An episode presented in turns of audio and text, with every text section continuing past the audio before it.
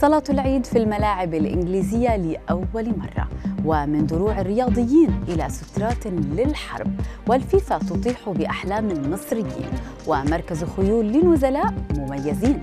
هذه الأخبار وغيرها تتابعونها على العربية بودكاست.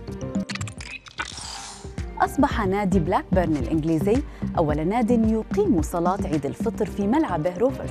النادي النشط في دوري الدرجة الثانية في إنجلترا نشر صورة للمصلين معلقا عليها عيد مبارك. أصبحنا أول ملعب في بلادنا تقام عليه صلاة العيد.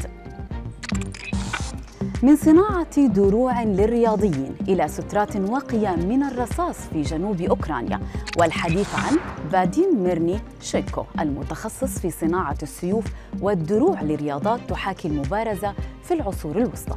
لكن بعد الأزمة الروسية الأوكرانية حول ورشته الصغيرة لصناعة أسلحة تتماشى مع الوضع الحالي.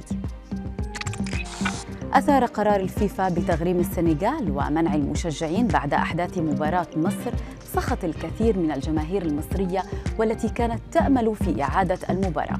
وكان الاتحاد الدولي قرر معاقبة السنغال بغرامة مالية قدرها 179 ألف دولار إلى جانب خوض مباراة واحدة بلا مشجعين.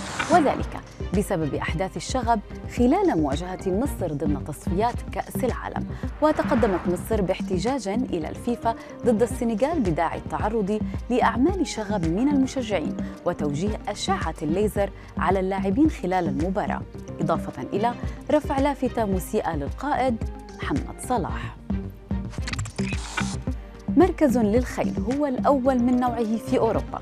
ما يميز هذا المركز ليس الفرسان أو السباقات العالمية بل إنه مخصص لنزلاء أحد السجون في أيرلندا حيث يتيح لهم اكتساب المهارات اللازمة للاعتناء بالأحصنة وتعزيز الشعور بالتعاطف وأطلق على المشروع خيول الأمل. ونفذ المشروع من خلال تعاون جرى بين إدارة السجون الأيرلندية والجهة المسؤولة عن سباق الخيل في البلاد.